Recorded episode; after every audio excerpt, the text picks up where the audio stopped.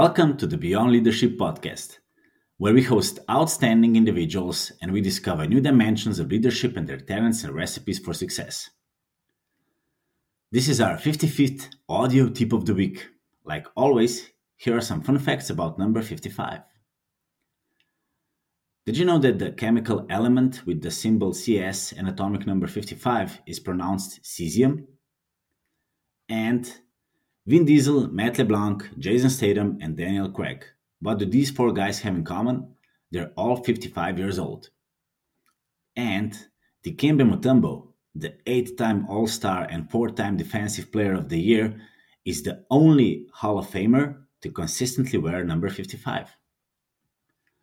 Today's tip of the week is based on the article You Survived the Layoff.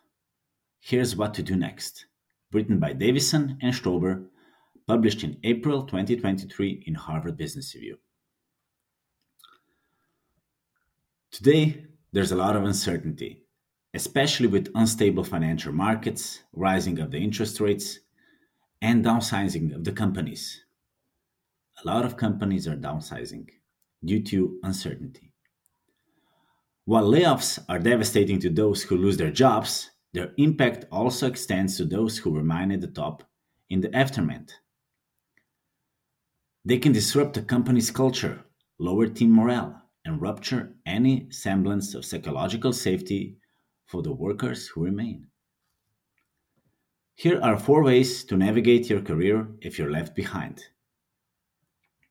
Number one, take time to process your emotions.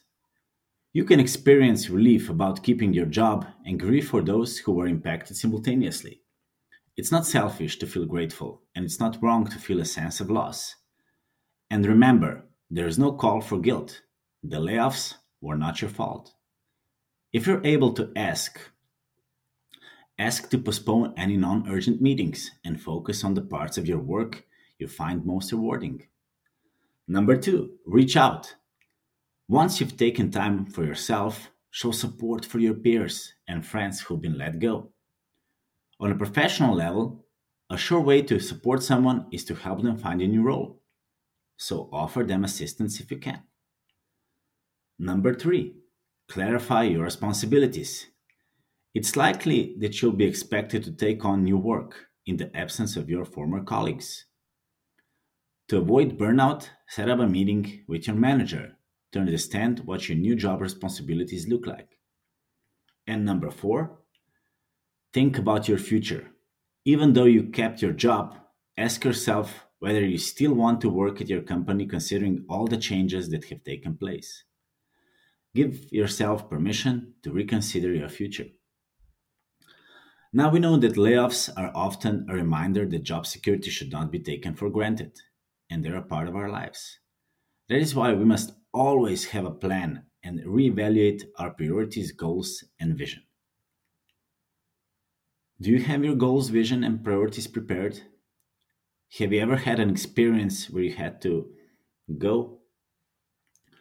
This was this week's tip of the week. Make sure to subscribe and follow us on all podcast channels like Spotify, Apple, Google, Castbox, and also follow us on YouTube, LinkedIn, Instagram, and Facebook. Till next time.